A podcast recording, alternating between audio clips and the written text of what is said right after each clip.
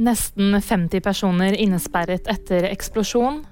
Harry Potter-stjerne er død, og Nasjonalmuseet beskytter kunstverk med glass. Rundt 50 arbeidere skal være innesperret etter en eksplosjon i en kullgruve nord i Tyrkia. Det sier den lokale guvernøren Nurtak Arslan. Eksplosjonen inntraff omtrent 300 meter under bakken rundt klokken 17.15 norsk tid. Det tyrkiske gruvearbeiderforbundet Maiden tror eksplosjonen i kullgruva skjedde som følge av oppsamling av metangass, men årsaken til eksplosjonen er ennå ikke fastslått. Du kan følge de siste oppdateringene i denne saken på vg.no.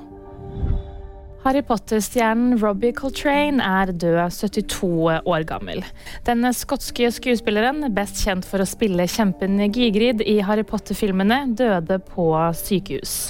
Robbie var et unikt talent. Han vil trolig bli best husket i mange tiår framover som Gigrid. En rolle som brakte glede til barn og voksne over hele verden, og førte til en strøm av fanbrev hver eneste uke i over 20 år. Det sier Belinda Wright, som var hans agent gjennom 40 år.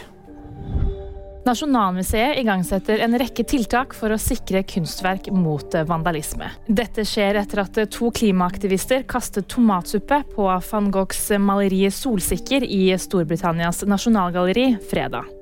Kommunikasjonsrådgiver ved Nasjonalmuseet Ole Morten Fadnes sier til NTB at de gjør mye for å sikre kunstverk mot denne typen hendelser, bl.a. med å sikre bildene med glass. VG nyheter fikk du av meg, Anna Julie Bergesen.